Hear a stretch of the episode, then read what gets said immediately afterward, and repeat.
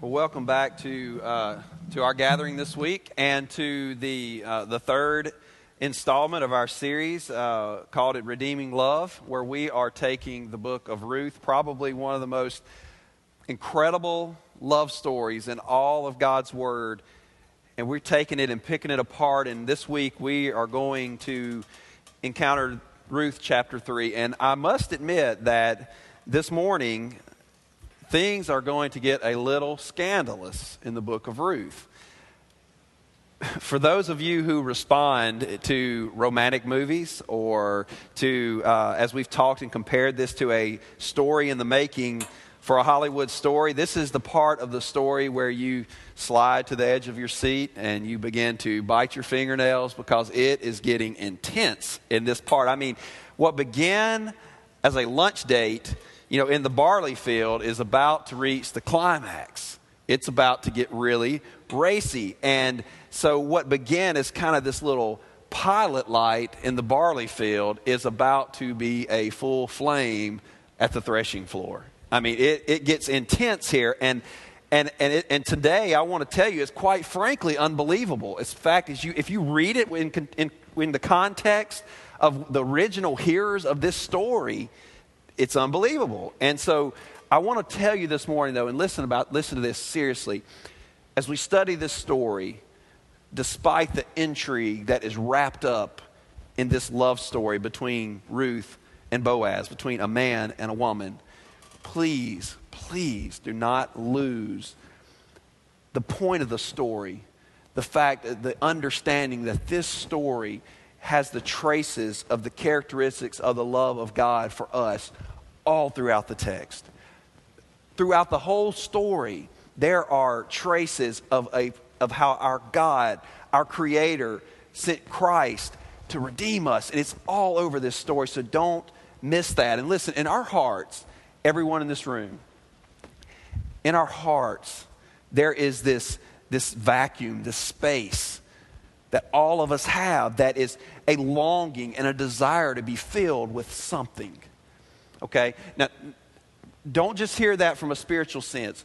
I mean, in our hearts, there is a space that all of us in this room, believers and non believers, people who have the traces of, of, of, the fruit of the Spirit in their life and those that don't, there is this space that has a longing to be filled. God knows it, we recognize it sometimes many of us in this room, we are filling that space with God and our love for Him. But for others of us, we are finding other ways to satisfy that emptiness. And the truth is, that emptiness in our heart is only filled when we have that true moment with God where He becomes real to us in His love and we encounter it and, and experience it and we receive the love that we talk about each week for our own. We receive that. And so I want you to hear this morning.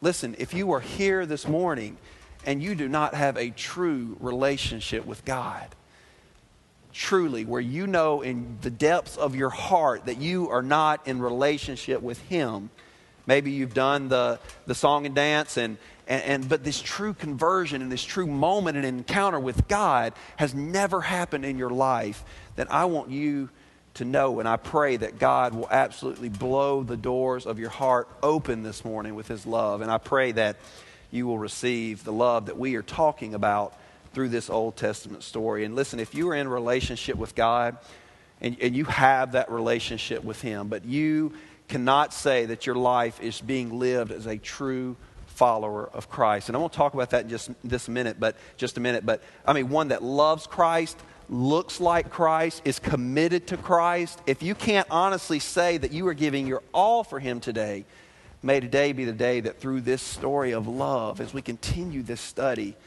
may you plunge deeper into this relationship. May you truly abandon the things that take away from your service of God and truly fall in love with God completely. We all have room to grow in this area. None of us give of ourselves. There's these aspects of this, this selfishness that just we, we hold on to. And God, you could have most of me, but not this part. This is mine. And God calls us to plunge into full time discipleship where life on this earth is about Him and serving Him. We don't have time where we go on vacation from God. We serve Him all the time. And that's what He calls us to. And may we be challenged and we say, yeah, that's radical, that's crazy. Yes, the lifestyle that Christ calls us to is radical, it's different. And you and I are called to live it deeply for Him. And so, before we jump into chapter 3, I want us to grab a couple of things for those of you who were out last week or if you've missed the first couple weeks of this series. I want to highlight a couple of things from chapters 1 and 2 that I think are crucial for the story that is building in chapter 3. So let me give you a brief summary this morning and catch you up to speed on this new romance that began last week as we meet, as Ruth and Boaz meet. There are bad times in Judah. We talked about in chapter 1 that Bethlehem is without food, and, and we meet one of the main characters in, in, in Act, Act 1, Scene 1, the very first chapter. We meet Naomi, and, and Naomi and her husband Elimelech, they're Israelites. They're, they live in Bethlehem. They're worshipers of Yahweh, the God of Israel. They lose their focus, and along with their two sons, they transplant the family to Moab, a place that was very pagan, a place that was, you know, that was the, the Moabites, as we talked about, came where, where Lot's daughter slept with him, and, and, they had a, and one of them had an offspring son, named, and they named him Moab. And from that, this, this lineage was created. And so these people are very outcast. They're kind of, uh, you know, kind of uh, pagan and, and half breed, kind of is the way they, they, were, they were been referred to by the Israelites. Well, they get over there in this place, and Elimelech, he dies. So, so the leader of this, this family moving to this pagan land, he dies. And, and their two sons, Mahlon and Chilion, they take Moabite wives. So this is getting really out there, okay? They go and they marry women from that land. They marry, they marry Ruth and they marry, they, they marry Orpah, as we learn. It's completely unheard of this time. This was an indication that this family had completely lost touch with God, but also their lineage as Israelites. So for, for 10 years, they live there, and soon after, both of her children die. So they have 10 years of marriage there with no children, and they die. And so we find that Naomi is left in this nation with two pagan daughters in law, and she gets bitter. Naomi is the God has acted against me. She's bitter. She said the Lord has dealt with her, and she knows He is just, and her faithfulness and their faithfulness has brought about this, and she grows bitter in her heart. She hears a word, though, that Yahweh had returned to the fields in Israel and it were provi- was, gonna, was bringing provision for her people. And so she says, You know what? It is time to head back. And so she, she, she heads back at the beginning of this harvest season, takes her two daughters in law, and along the road, as she, as she is leaving, she tells them, Look, why don't you go back to your people? I mean, she understands the difficulty of two Moabite women coming to live in the nation of Israel. And she's like, Look, hopefully Yahweh will act kindly towards you. Go back to your people and maybe he will provide. And so Orpah returns and Ruth stays with Naomi. And as the, as the word, the root of the word actually says, she clings to Naomi and she tells her, Where you go, I'm going to go. Where you stay, I will stay. Your people will be my people, and your God will be my God. And so they return to this land after 10 years. She's greeted Naomi. Hey, this is Naomi. Remember, this is Elimelech's wife. And she says, Do not call me Naomi. She says, The Lord has extended his hand against me. Do not call me Naomi, but may I be called Mara, which means bitter. She's so bitter to the point she's like, Look, just call me what it is. Call me Mara. That's my name now. So we see, though, this glimmer of hope at the end of chapter 1 because they come back to Bethlehem. And as we see in verse 22 of chapter 1, they return to Bethlehem at the beginning of the barley harvest. So harvest season is here and it is beginning. And then chapter 2, we learned last week that we meet the hero. We meet the knight in shining armor of this love story, Boaz, a kinsman of the clan of Elimelech we learn right off the bat that he is a worthy man and that he is well off. We learn that worthy not only means in character, that we learn he is a man of character, but we also learn that, that he's well off. He has the ability to redeem the family as a kinsman redeemer. So we meet him in chapter 2, verse 1. He is a worthy man of the clan of Elimelech. So Ruth, unaware of Boaz, she in chapter 2, she says, Naomi, I'm going to go out. I'm going to try to gather food for us. I'm going to try to glean in the fields, and maybe somebody will show me favor. She's unaware who Boaz is, nor does she even know that there is a kinsman there. But she goes, and, and, and she, is, she has to find favor with someone because she is not a hired servant. She's not even an Israelite. In the Mosaic law, as we talked about, it had provision for people that were Israelites. It had provision for those who were without, that landowners would have to leave the corners of fields or they would have to leave stray things behind so that these people could scrap and get provision. And she happens to end up in the field of Boaz. It says literally, as chance might have it, and we talked about how there's no chance involved here, but God's providential plan was in place. But then the story takes a turn. It starts to get really good because Boaz enters the field and he greets his servants and they greet him back. And then he notices Ruth. And he goes to the youngest of the servant and he says, Who is this? And he tells her who it is. This is the one, the Moabite woman who returned with Naomi. And as we know through a series of events, he approaches her. He gives her a free pass. He says, Do not work in any other field. Stay in my field. Stay by my servants. Cling to them just like you did, Naomi. And if you get thirsty, you go and you drink water from the wells that my male servants have drawn. And that was huge. This is, this is a cultural, I mean, Boaz laid it on thick with Ruth. I mean, he's treating the lady right because he goes on, he says, Look, don't even worry about getting your own water. I've got guys that have done that. Now, he would not have even said that to an Israelite woman. And he's telling this pagan woman, You go and you get whatever you need and drink whatever you want because my guys have drawn the water. But then it gets even crazier because then he invites her to eat lunch with him. He's like, You come and eat with us. Okay, so, so picture this scene. You've got other Israelites scattered out on the field, and they're workers, and there's some Israelite women there.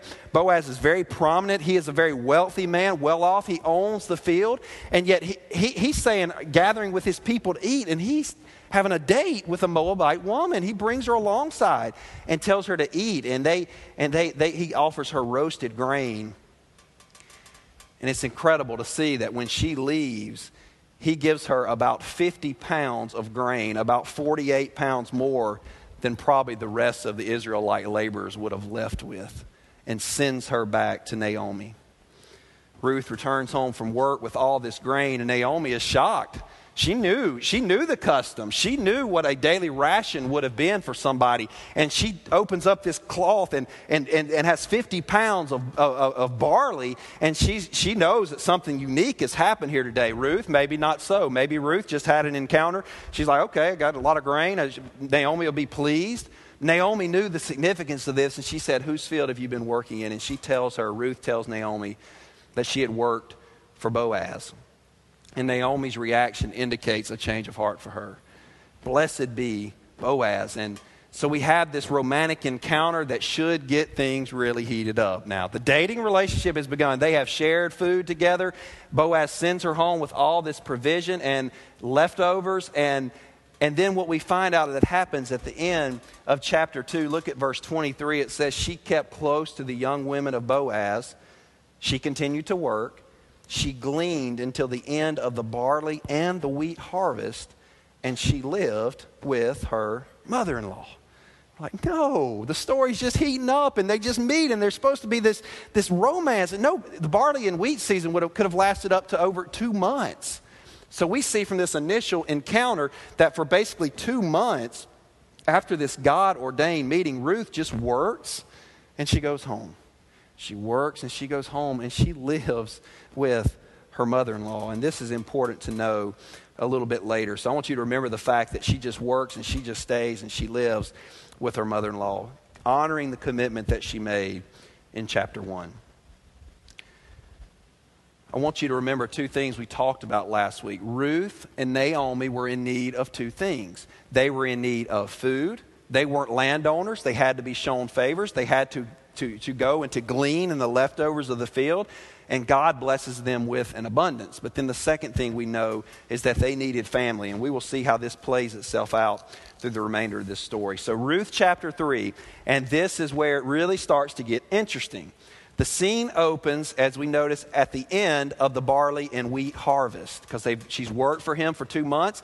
She's gone and stayed with her mother in law. It probably lasted about two months, and it is now time to, for the winnowing of the barley. Now, this was interesting. You got to know this. This was this technique that, that basically, when, when all the grain was harvested and all of it was gathered, they would go into these places where they would, on these, thresh, uh, these threshing floors, and they would winnow the, the, uh, the wheat. And basically, it was a, a, technique where they would kind of take this pitchfork deal, and, and it would be, be be a breezy area, probably most likely in, on the side of a hill or something where you kind of get this breeze going. And they would basically throw the, the, the, the barley in, into the air, and the, the heavy seed would fall to the threshing floor, and the, the chaff and everything that was kind of the lighter stuff would just be blown away. And so that's kind of how they separated and got the, got the, uh, the, the seed ready to be, to be used. And so it took place usually in a secluded place like the side of a hill, preferably if you could find a rocky surface so that when the seed fell, it would be easier to gather.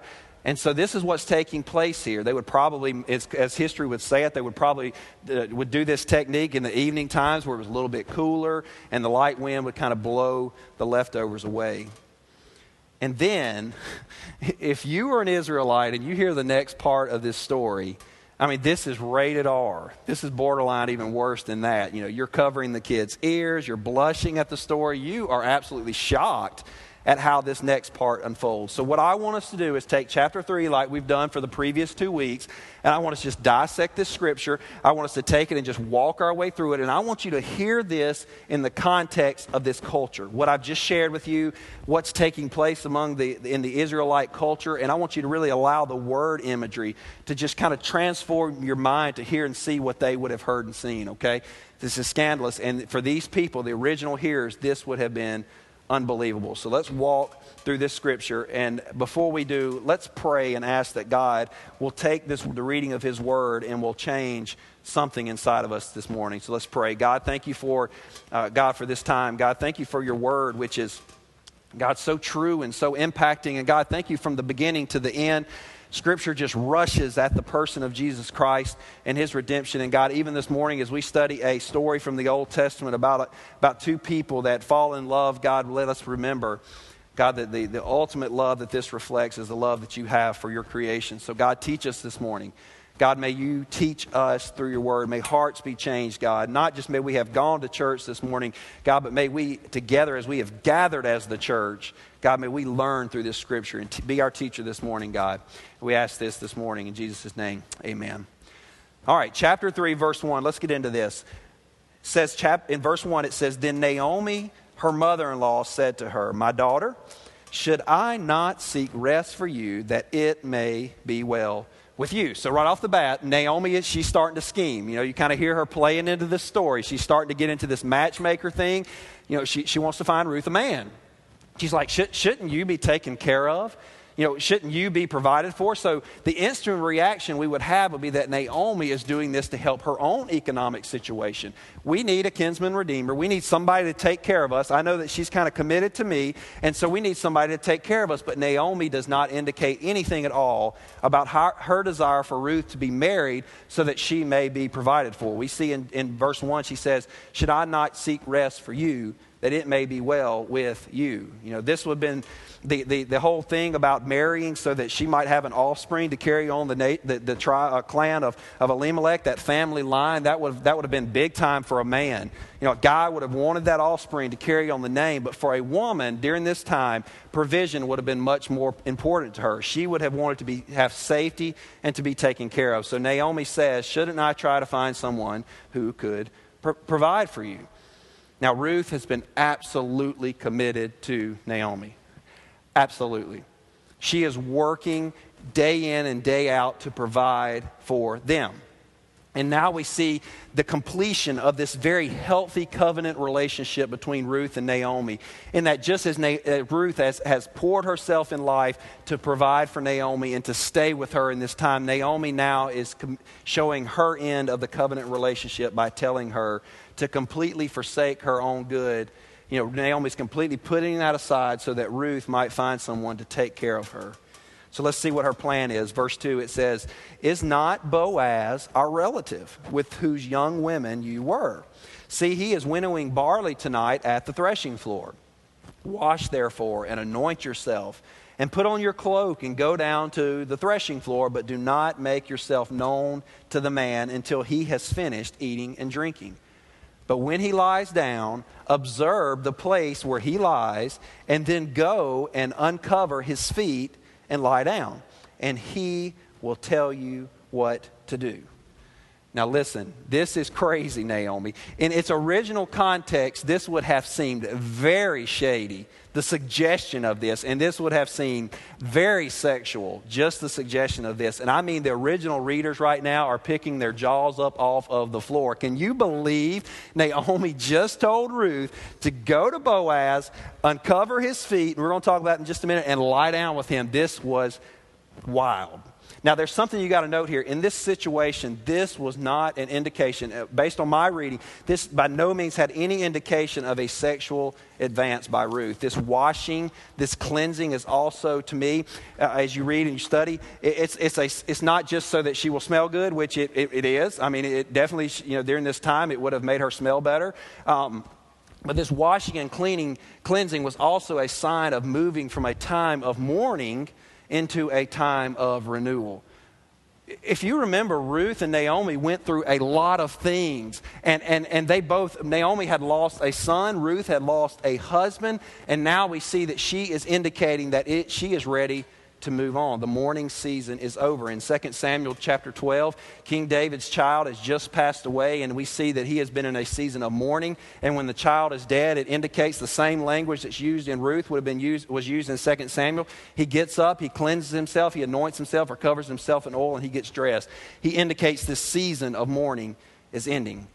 So symbolically, we see Ruth doing the same thing. She is preparing herself to indicate to Boaz that her mourning as a widow is over and basically she is ready for marriage. She, she's ready to move on from this condition. So Naomi also tells her to put on her best clothes. This would not mean anything seductive. This wasn't put on your little black dress. This was put on your best clothes, your travel cloak. Prepare yourself to go out and move forward.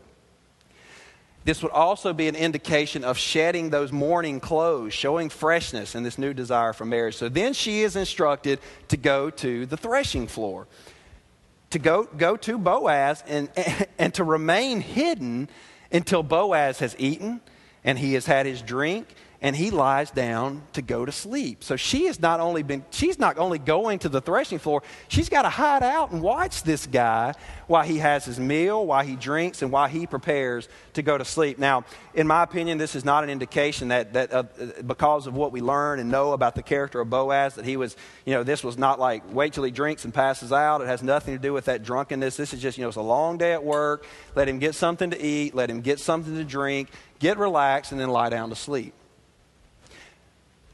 we guys are simple. And so, you know, a big meal after a hard day's work just relaxes us. You know, sometimes I like to lay down and eat at the same time. I mean, it's just, it's a combination of our hobbies. So we're very simple.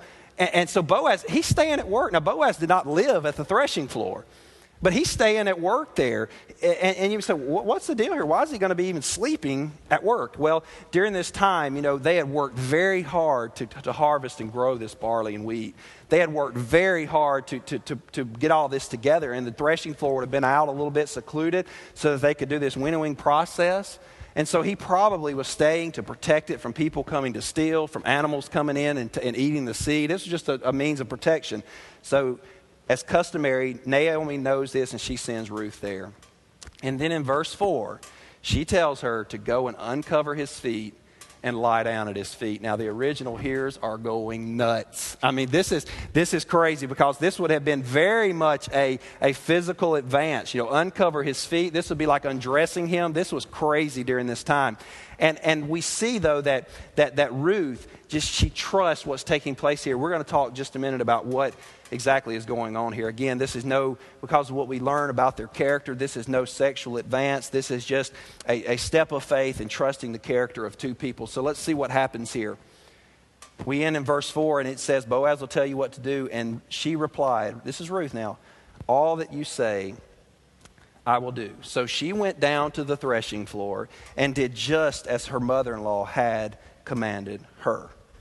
Ruth continues to show her absolute trust in Naomi. she knows that this is really, really odd. And this is really something that she is being asked to do that's a little different. But she says she will do everything she's told to do. So she goes. So let's look at verse 7. And when Boaz had eaten and had drunk, and his heart was merry, he went to lie down at the end of the heap of grain.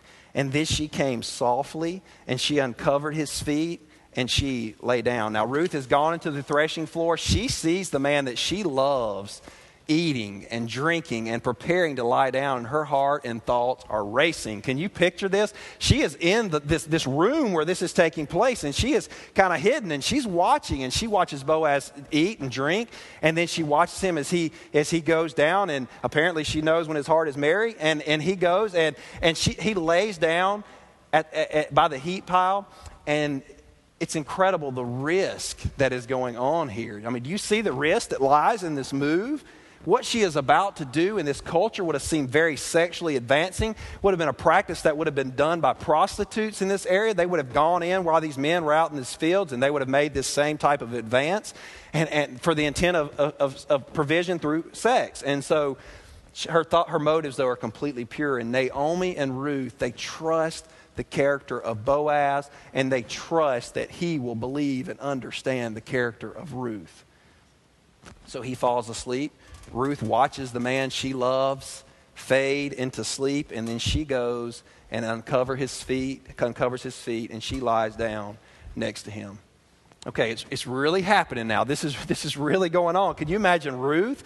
You know, she's like, okay, okay, he's asleep. I think this is the time. And she goes and, and she, she uncovers his feet. He's already asleep very well, I guess. And, and, and she lies down next to his feet. I mean, it's really going on here. Imagine what is going through Ruth's, Ruth's mind. I mean, she's not sleeping. I can tell you that. You know, it doesn't say that, but she's got to be terrified. She walks in and uncovers his leg and she lays, she lays down. And, and you've got to imagine it. She's like, oh my gosh, what am I doing? You know, I've just, I mean, this is wild. What has Naomi gotten me into? You know, does she really love me? And, and you know, she, she's in doing this deal. And then, and then it just gets really crazy because she just sits and waits. So you know that her heart is racing, her mind is racing. This is going, this is going on, and what's about to take place is going to be really critical to the story. So let's look at, at verse 8. At midnight, the man was startled, and he turned over, and behold, a woman lay at his feet.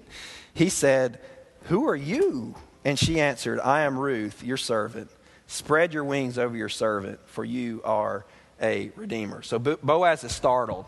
I mean, it, I, have no idea. A lot of scholars said it was probably just the, just the night air on bare legs. It's been a while since that had happened, you know. And there's like this is probably what woke him up, you know, a little chill. And, and it's crazy because he wakes up now. And There's this woman laying there, and you know, I, as I think about this, I'm just like, I, I, I, mean, when I say, "Who are you?" I'm sure it wasn't he woke up and was like, "Who are you?" I mean, I'm sure he's pretty startled. I mean, there's a, there's a woman laying in, in his room, and he went to bed. And no woman wakes up woman. You know, I mean, this is crazy. And so, you know, and, and he doesn't have to wake Ruth up. Like I said, she's not sleeping. It's not like he had to shake her like, "What are you doing here?" I mean, Ruth, Ruth's ready. She's waiting on him to wake up. Okay, and so he says, "Who are you?" Boaz is shocked, and now Ruth is there, and Ruth replies not like she has in previous chapters. This, the original language was not written that she would have said, like, she's a slave, but she uses a more personal term that means servant. In other words, I am here for you. I am Ruth, your servant. Ruth says here through her language that she wants Boaz. Listen, she says to Boaz, Spread your wings over your servant, for you are a redeemer. He's a kinsman redeemer. He knows what she's saying here. Ruth is basically saying to Boaz that she's setting the stage for him to pursue her in marriage. She's saying, Spread your garment over me, for you are a redeemer a Moabite woman is proposing to an Israelite landowner. Think of the irony in this. This is crazy. A serp, you know, it'd been one thing. Nobody would have ever questioned Boaz had he said, Look, I'm going to marry a Moabite. And they'd have said, Okay, because Boaz is the boss, right? But now we have a Moabite woman, a pagan woman, who is at the lowest of the low, who has been met him two months ago, has probably just been growing in her, her uh, desire for him, growing in her uh, respect for him because she sees day in and day out the kind of person he is, and now a servant is proposing to her master. Let's look at, ver- at cha- verse 10 and what takes place next. Because what he is about to say changes this story. And he said, May you be blessed by the Lord. Listen, my daughter not my servant, not you Moabites. May you be blessed by the Lord, my daughter. You have made this last kindness greater than the first, in that you have not gone after young men, whether rich or poor. And now, my daughter, do not fear. I will do for you all that you ask, for all my fellow townsmen know that you are a worthy woman the whole story hangs in the balance of the response from Boaz. Remember, it's been two months since any recorded encounter. I'm sure through her working in the field, there's been some interaction, but Ruth's anxiety has to be sky high as she waits to see if she will be embraced or ran off as a prostitute. I mean, Boaz. You see, Naomi, they had to trust in the character of Boaz, that Boaz would not receive this, this, this, this uh, where she comes in and lies down, that Boaz would not see that as something uh, sexual or something that is outside of, of, righteousness that Ruth would have had. And they have to trust that, that Boaz will see that, but they also have to trust in the character of Boaz. They have to know that he will see Ruth as being pure, and they trust that he will be pure as well. And so Boaz responds favorably. And this speaks volume about his character and God's plan. In verse 4, if you look back in chapter 3, verse 4, they didn't know the outcome of this. They are trusting in a providential plan. It says, when you lie down, you know how far Naomi had thought this plan through till, till Ruth lay down. That's it. She had no idea what was about to take place. She said, You just, tr- Boaz will tell you what to do next. So, you know, if I'm Ruth, I'm lying there at, uh, you know, at, at the feet of Boaz, and you're just sitting here thinking, you're like, okay, what was what did she say happened next? Oh, wait, I don't know. She, doesn't, she hadn't thought that far through it, so this plan's looking even crazier. But Boaz responds so fair, favorably. So romance has been offered and accepted by Boaz, but then, with any classic love story, a problem comes in. And this is where it starts to get a little tricky. Verse 12. And now it is true that I am a redeemer. He says, I am one of your kinsmen. Yet there is a redeemer that is nearer than I. Remain tonight, and in the morning, if he will redeem you, good. Let him do it. But if he is not willing to redeem you, then as the Lord lives, I will redeem you. So lie down until the morning. Boaz, he knew the law. He knew the custom. He knew what was provisioned in the process of a, how a kinsman could redeem part of their family. But he says, you know what? I mean, he loves Ruth. It's obvious. First time he met her, he brings her in and, has, and allows her to drink water that his servants had drawn. He offers food to her. He loves her. But he knows, he tells her to lie down and wait until morning because he knew that someone else had a first option. They were a closer kinsman, and he had to provide them this opportunity. Boaz knew the risk. He wants her, but his character the reputation and righteousness that, that, that Boaz showed made him go through the first, the right steps to maintain his character. He says, You know what? You lie down here until morning, but I have to go because there is a kinsman that is closer. So, verse 14 says, So she lay at his feet until the morning. Neither one of them is sleeping now. She lay at his feet until the morning, but arose before one could recognize another. And he said, Let it not be known that the woman came to the threshing floor. In other words, he's protecting her integrity and her character. And he said, Bring the garment you are wearing and hold it out. So she held it, and he measured out six measures of barley, and he put it on her, and then she went into the city. So Boaz tells her, lets her stay there until morning where she could leave with supplies, and neither her character nor his would come into question. She leaves with this provision, heads back to Naomi. And, and I find this fascinating, this part. Because if you look back in chapter 1, Naomi, when she returns to Israel, she says, You call me Mara because I left with everything and I have returned empty handed. And Boaz sees here, and Boaz tells, Naomi, uh, tells Ruth, Do not go back to her empty handed. He said, Bring me your garment you are wearing and hold it out. And in verse 16, we see how this unfolds. It says, And when she came to her mother in law, she said, How did you fare, my daughter? Then she told her all that the man had done for her, saying, These six measures of barley he gave to me, for he said to me, You must not go back empty handed to your mother in law. And she replied, Wait, my daughter, until you learn how the matter turns out, for the man will not rest, but will settle the matter today. So, with this, we will not hear any other words spoken from Naomi or Ruth for the remainder of the story. That's all we know about what takes place with Ruth and Naomi. They have done all that they know to do. They have gone forward with the plan, trusting now that, as you know, Naomi, we see a shift from her being very bitter towards God to her once again trusting in a providential plan because she is peaceful and satisfied in knowing that Boaz will do what he says and they have done all that they can do. Boaz now has a process in front of him. So, as the curtain closes on this scene, two women who shared a love for each other, in need of an heir, not only for provision, but for so that Ruth may be taken care of, they sit there and they are waiting on the outcome. And the curtain closes, the to be continued rolls up, and we will have to wait to see exactly what takes place. But there are some key takeaways from Ruth chapter 3 that I think we have to grab today. I think it is important to note that no one character in the story is directly equated to God. Boaz does not represent just Christ and, and, and Ruth us or Naomi us, but I want you to know that, that, that what we see here are the characteristics of God and His creation throughout the characters. We see the love of God, we see the provision, and we trust in His providential plan for us. But one thing that continues to surface that I want us to draw from today is the love of God for us.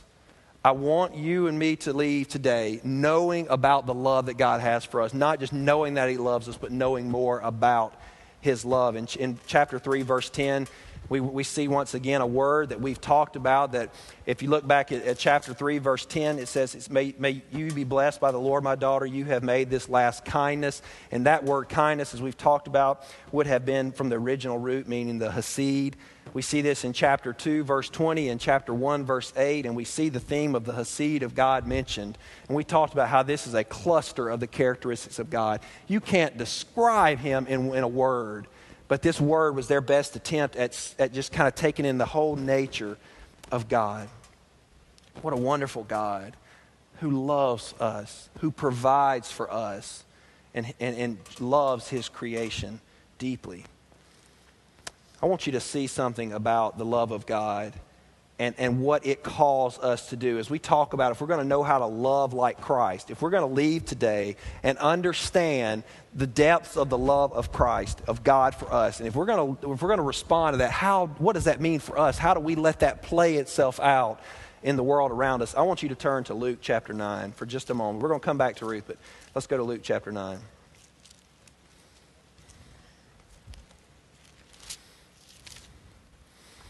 Luke 9, and I want to, I want to read verse 23. And Christ speaks this to all. And this is a verse that you have probably heard. But if we want to know how to follow Christ and walk in his love, we have to do these things. If anyone would come after me, let him deny himself and let him take up his cross daily and follow me. To love Christ to deny ourselves. Do you see this? The love of Christ was poured into us, and God calls us, and Jesus says to us right here if anyone would come after me, let him first deny himself. The love of you, yourself, and your life, it, it, it, it falls. We deny that. We desire to love like Christ. He goes on to say, to, to take up his cross daily, to look like Christ to, to love like him in that, in that we deny ourselves, to look like Christ in that we, just as he physically took up a cross sacrificially and he walked that walk that you and I in our life every day will, will symbolically in the same way sacrifice our life and we will take up our cross and we will follow after him daily. And he goes on to say, and follow me. We commit to Christ. We follow after him. And part of this learning to love God and others with the characteristics of God's love make us take on the true nature of what it means to be His follower. Now, look, I look around this room, I know all of you, I know everybody in here, and I know your desire in your heart is to reach people. And we've got others that aren't here today that, that, that we know have similar desire. And my desire for us is that we fall in love with God and that love just flows out of us. Because you see, there are so many in this world that do not know about the love of God. Do you understand that? Just here in the South, there is there's a lot of people that do not know about the love of God. And we take that for granted. A lot of people in this world do not even know what love is because they don't not only do they not get it from God, but they don't get it from anybody else around them. So, the thing that hurts my heart so much and troubles me so much is that just as there are empty seats in here and we're missing some of our people that love the Lord, my heart is broken because there are so many people who don't know the love of God that are not in these seats. There's so many people in our culture that, that, that you, while, while these seats, I look out in front of them and, I, and they're empty, and I see a place and a place and a place where people who have never heard of God's love or how much He cares for them and how much He's willing to sacrifice for them, and they're not here to hear it.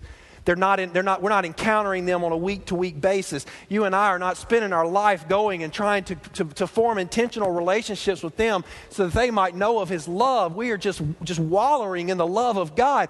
And we are just, just uh, the thought of His love is just overwhelming to us. And we're in this divine romance with God, but yet His romance has a calling, and you and I are not answering that call you and I, and myself included, we are not going and sharing this love with people, and not just by saying that God loves you, but by pouring our lives into them. There are people in this city that need to hear of God's love, and we need you to do it to help us to spread that message. Not just so that people are here at our worship gatherings, but so that people are, they, they are, are brought into what it means to be growing as a disciple of Christ. And so I pray that as we talk about these next couple of things as we finish up about the love of God, I pray that this is just not a reminder of his faithfulness and love for us, but this is a calling on our life to go into this world and to love people like he did to go into our neighborhoods. And I say this every week, but God, may it please not lose its intensity that you and I are called to go and to show this same type of love. And let me tell you what, then people who do not know Him will come to know Him because of your willingness to show His love to others. And so let me, let me end by saying there's four things I think we see from Ruth chapter 3 about the love of God and how we respond to it. First of all, I think we see that the love of God is patient. God's love is so patient. Ruth stayed faithful to her husband for 10 childless years. No offspring. Offspring was huge during this time, but yet Ruth stayed faithful to her husband despite that. Ruth, she loved Naomi. She loved her to the point that she would not leave her, even though it meant traveling probably to a place where she would never find someone to spend her life with even though it meant traveling to a place where she just may always be an outcast servant. But she was patient in knowing that because of the characteristics of Naomi that she would stay with her. She serves in the field of Boaz day after day after day after day for two months with nothing happening.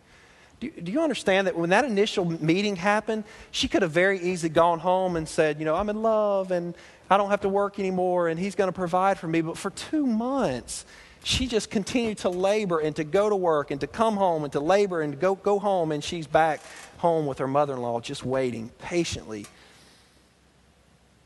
And as we love those around us, we have to remember that God calls us to a very patient kind of love. To love people not expecting anything in return. To love people just not so that when we love and encounter them that we get an immediate response from them in their response to their love for God, but that we just keep pouring ourselves for months and months and, and months and years and whatever it takes, that we love people enough that if, that if when we pour into them, if we don't get an immediate response, that we just don't just drop them, we just keep loving them. We just keep loving them like God loves them and we see the end of chapter 3 that after expressing her love to Boaz, where the scene should have ended with Boaz hitting his knee and proposing to Ruth and them living happily ever after, he tells her, I, I, It's out of my hands. I can't do anything. If I could, I would. And if I can, I will, but I can't because there is a kinsman that is closer to me. And so we see patience happening again. And I want us to be reminded of the patience and love that God has for us. I love the story of the prodigal son and how the father is sitting there waiting on the son. And God waits for us the same. And, and so as we encounter love with other people, we must be patient and trust that his love is doing something in their hearts. The second thing I think we see is that the love of God is a refuge. I love this part of the story. Naomi has a desire to provide protection and safety for Ruth. So, in this risky move that could have just blown their reputation, she trusts and she encourages Ruth to go to Boaz. Ruth, who desires through her love to offer protection for Naomi, she agrees to the plan because she would never forget her promise that she would never leave Naomi. Boaz, out of his compassion and his substance, he desires to provide a refuge for Ruth and redemption for Naomi. And all of this, to me, points to the love that God has for us as his creation, to be a place of refuge and strength for us. Proverbs 18:10 says the name, just listen, the name of the Lord is like a strong tower, and the righteous run into it and they are safe. God's love is a safe place. In his love, you and I find life forever. But we also find a place where no matter how bad things get, he provides a shelter and refuge for us. Guys and girls, our world needs a refuge in the circumstances of life, they need a safe place to go. And we have that answer. So may we not harbor that, but may we share that. I think, thirdly, we see that the love of God is pure. Do you realize what this scene between Ruth and Boaz looks like?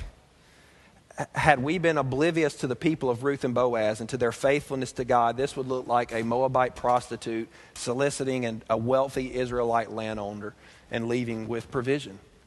That's what it looks like from the outside. A Moabite woman goes and lies down, as was customary for the, those women.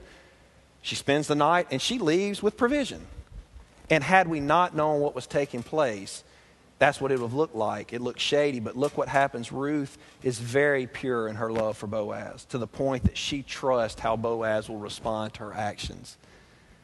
And Boaz, in return, is so confident. He says in, in chapter 3, he tells Naomi, he says, the whole whole city knows that you are a, a noble, a worthy woman. We see that in verse 11. It says, The fellow townsmen know that you are a worthy woman. So Boaz trusts that her motivation is nothing but pure. And I want you to know that God's love for us the is the purest form of love imaginable. He gave everything for our redemption. We had nothing to give he didn't love us because of anything that we could give him back but worship and praise for him. And so, guys, as we encounter this world, leads to the last thing the love of God is not self seeking. The love of God is not self seeking. If you look at this triangle, Boaz had nothing to gain, Naomi was just trying to help Ruth find a, a, someone that could provide, and Ruth is trying to not only fall in love with Boaz, but she wants to provide back for Naomi. Do you see this triangle that's taking place? People that are just caring about the love, are loving others, that it's not self seeking, and we have to learn to not love with an agenda. Our desire to love the world like Christ is not because we want to pat ourselves on the back at the people we reach, nor do we love those around us to grow a big church so we can boast numbers. We love those around us because we want to see God glorified in their lives. That's what we want. We want, just as much as we love and worship Him, we want other people to do the same. We don't love people just to make converts or disciples. We desire to see converts and disciples made so that God's name may be glorified. Our, our, our end goal here is not to make converts. Our end goal here is not just to make disciples, it's to make disciples so that God's name might be glorified. And that is love that is not self seeking. So this morning, I, I want us to, to recognize that the love of God is incredible as we see through this story. And I want to read one last passage of Scripture as we close. If you'll turn to Luke chapter 6, and this is where we're going to end this morning.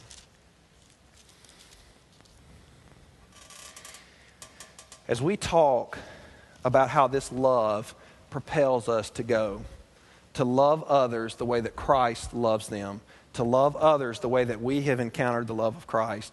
This goes beyond people that may look like us, that may value the same things as we value, that may be the same economic status or race or anything. It goes beyond that. And let's look at one last, Luke chapter 6, verse 27. Christ says, I say to you who hear, love your enemies and do good to those who hate you. Bless those who curse you. pray for those who abuse you. To one who strikes you on the cheek, offer the other also. And from one who takes away your cloak, do not withhold your tunic either. Give to everyone who begs from you, and from one who takes away your goods, do not demand them back. And as you wish that others would do to you, do so to them. If you love those who love you, listen to this. If you love those who love you, what benefit is that to you? Even sinners love those who love them. And if you do good to those who do good to you, what benefit is that to you? For even sinners do the same. And if you lend to those from whom you expect to receive, what credit is that to you? Even sinners lend to sinners to get back the same amount. But love your enemies and do good and lend, expecting nothing in return, and your reward will be great.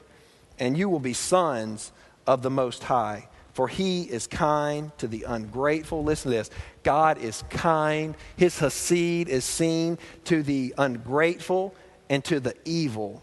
Be merciful, even as your Father is merciful. So I ask you this morning, as we encounter this love story, what, are, what is the parameters of your love for people? Is the extension of your love to people only to people that look like you, that, that fit into the convenience of your schedule, that, that are fun to hang out with, that, that fit into your nice little plan that you had for your life? Or is your love as deep and wide as the love of Christ? Is your love that deep? Is your love making you do life differently? Is the love that you have for God making you abandon things that, that, that don't mean anything in this world so that His name may be made great? Or is your love limited to the same type of love that even sinners express to others? So, my prayer is that we commit to God this morning more than anything else. And I ask you, can people look at your life and do they see the gospel being played out before them? Do they see the love? of Christ. So this morning, that's my prayer. As I said in the very beginning, if you have never really encountered this love of Christ, let me tell you, if you've never truly encountered God in a real relationship, and if his, his fruit is not in your life, then it's just you're playing a game. And God's calling you today to encounter his love. And for those of us who have loved him for a season now, may we be challenged to a deeper level of our commitment to him. So as our band comes, let's pray together. And I just want to do something a little different this morning. I want you, don't have to sing or anything. I just want if you want to, you can. But I just want everybody to just kind of be in an attitude of prayer. If you just stay in your seats and bow your heads, and I want us to just spend some time with God this morning. Let's don't leave here this morning without settling this with Him. The calling is there. The question is who will answer. And so this morning, there'll be a couple of us in the back of the room. If you would like to just pray with one of us. Uh, if, you know, if you're here and you're not a believer and you know it and you want to give your heart to Christ, we want to tell you more about that. And so you come back there as well. But the remainder of you, let's just spend this time praying that God will break our hearts for the lost, praying that God will just fill this room up with searchers, people who don't look like us, think like us, believe like us, but yet they, they have a similar desire for unconditional love, and we have that answer. So may we pray that God just cha- draws people to this place, changes hearts, and gives us opportunities to share of His love. God, I pray that during this time, God, I pray that your name will be glorified, God, as the hearts of the people in this room rise up, God, and as the hearts of everyone in this room cry out to you, God, may you hear their prayers, God. May you hear our prayers, God, that we desire to see people who are far from you brought near to you, God. Please open the doors. Please open the conversations. Please open the meetings, God, where we have that opportunity to share. And so, God, as we pray together this morning, God, may you just deal with our hearts, God. But God, we not only pray for our own benefit, God, but we lift up prayers this morning asking for opportunities, God, for us to, to be the salt and light in this world, God, to go and to offer this message of hope. So, God, thank you for this time.